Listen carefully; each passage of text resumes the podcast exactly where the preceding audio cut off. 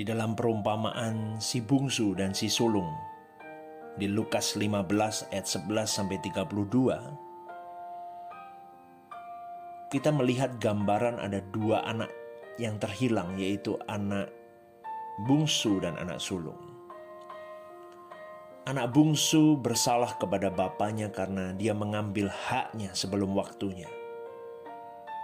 Dia kurang ajar terhadap orang tuanya dan dia mengfoya-foyakan hidupnya, harta miliknya,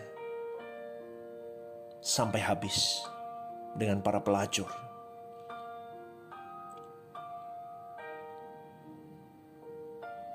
Namun anak bungsu yang terhilang itu akhirnya bertobat saudaraku. Dan dia pulang ke rumah dengan pertobatan yang benar. Dia bersedia hidup di dalam ketertundukan, kekuasaan dan dominasi bapaknya di dalam hidupnya. Si anak sulung ini bertobat di dalam hal penundukan diri. Dia belajar untuk submit kepada bapaknya. Tetapi si sulung Ya, dia tidak dikatakan bertobat sampai akhir dari perikop tersebut. Akhir dari perumpamaan tersebut tidak ada penjelasan bahwa si sulung itu bertobat, saudaraku. Si sulung mempermalukan ayahnya di depan para pegawai ayahnya.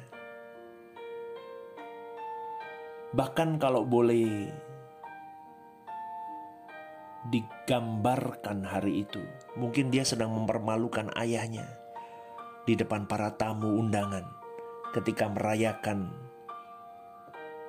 kehadiran adiknya yang si bungsu itu. Di pesta itu, si sulung mempermalukan ayahnya.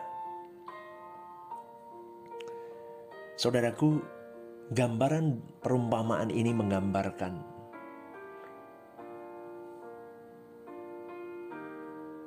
para pribadi-pribadi yang merasa dirinya saleh, rohani, lebih daripada orang lain. Itu digambarkan dari si sulung tersebut.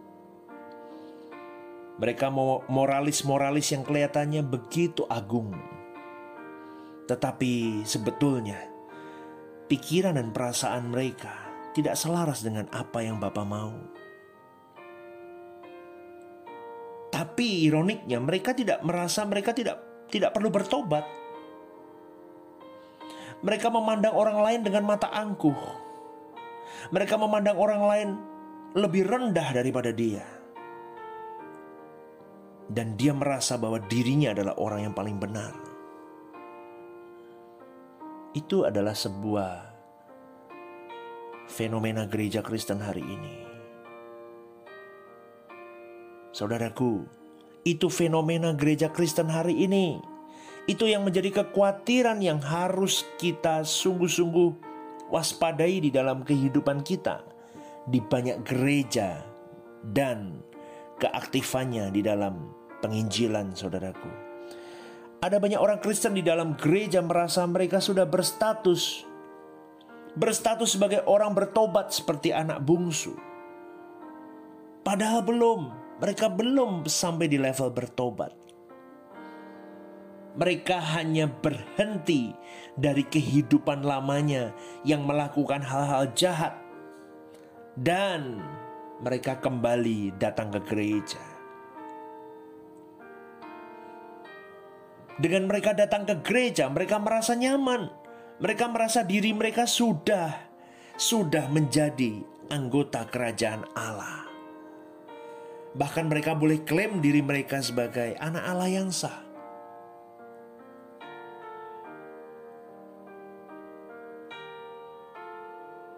Bahkan beberapa dari mereka merasa aku tidak pernah meninggalkan Tuhan.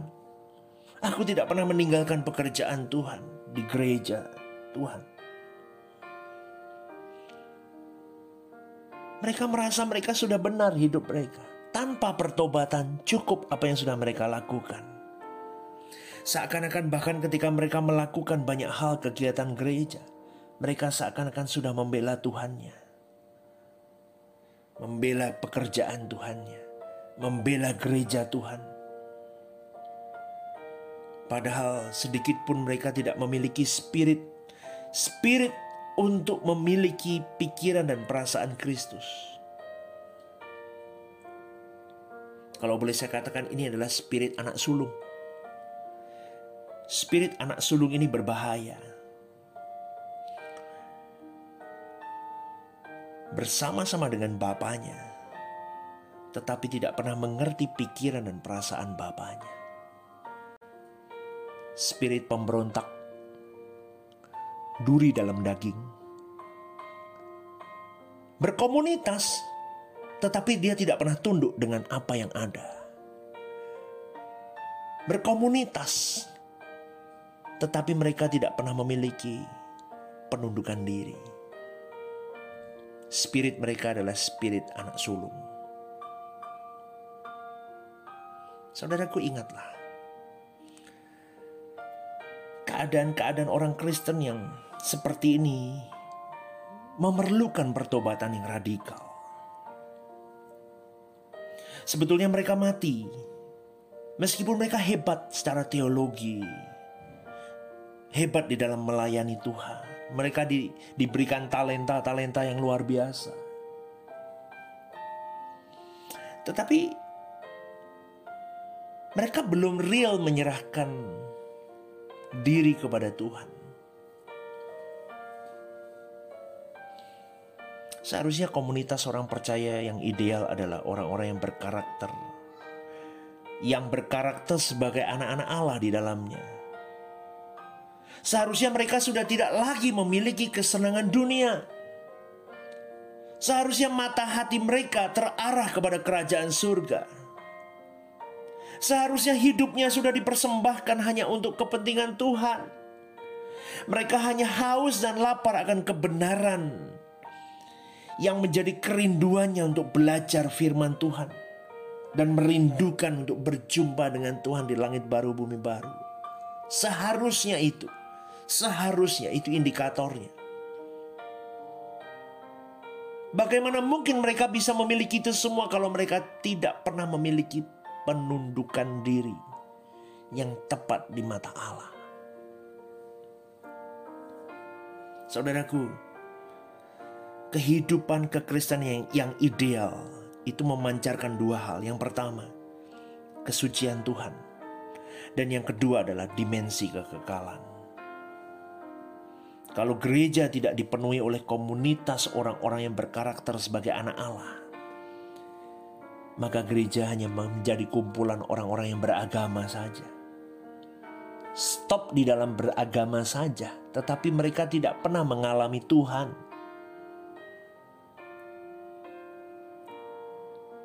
dengan kondisi yang seperti ini, gereja harus bertanggung jawab dengan apa yang menjadi tujuan utama Allah, yaitu memuridkan mereka, menyadarkan mereka, membawa kepada membawa kepada jemaat ini kepada Tuhan. Oleh sebab itu, pemimpin-pemimpin jemaat harus memiliki roh takut akan Tuhan yang sungguh mereka harus hidup di dalam kepenuhan Roh Kudus setiap hari. Sehingga jemaat itu bisa mengerti bahwa pemimpin-pemimpin jemaatnya memang benar-benar di dalam Tuhan. Dan setiap hal yang mereka mereka lakukan adalah memang tuntunan dari Tuhan. Sehingga tidak ada manipulasi manipulasi di dalam gereja. Itu sesat saudaraku dan itu memanipulatif para jemaat. Kita harus periksa diri kita secara jujur. Sebagai individu, sebagai bagian dari komunitas gereja Tuhan. Jika dirimu dan diriku memiliki spirit-spirit yang tidak tepat di mata Allah, yang terutama pemberontakan saudaraku, itu banyak sekali di gereja-gereja spirit of Lucifer, spirit anak sulung. Wah, itu mengerikan sekali. Ayo kita mulai. Kita kita tidak boleh takut untuk mengakui dan ayo bertobatlah saudaraku. Saya pun sama. Saya harus memeriksa diri saya hari demi hari. Jangan sampai spirit yang tidak tepat di mata Bapak itu masuk dalam hidup saya. Sebab kalau keadaan salah tersebut berlangsung berlarut-larut saudaraku, akan ada titik tertentu yang tidak bisa diperbaiki lagi. Kita tidak bisa kembali dan sudah rusak hidup kita.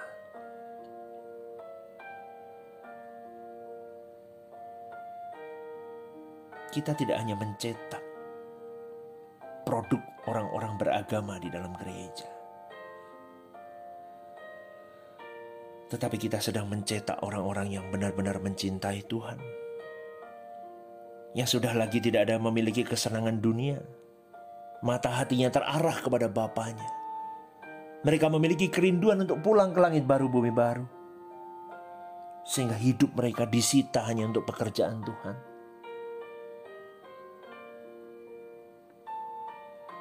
Orang-orang setia yang harus kita cetak di dalam komunitas kita beragama bergereja.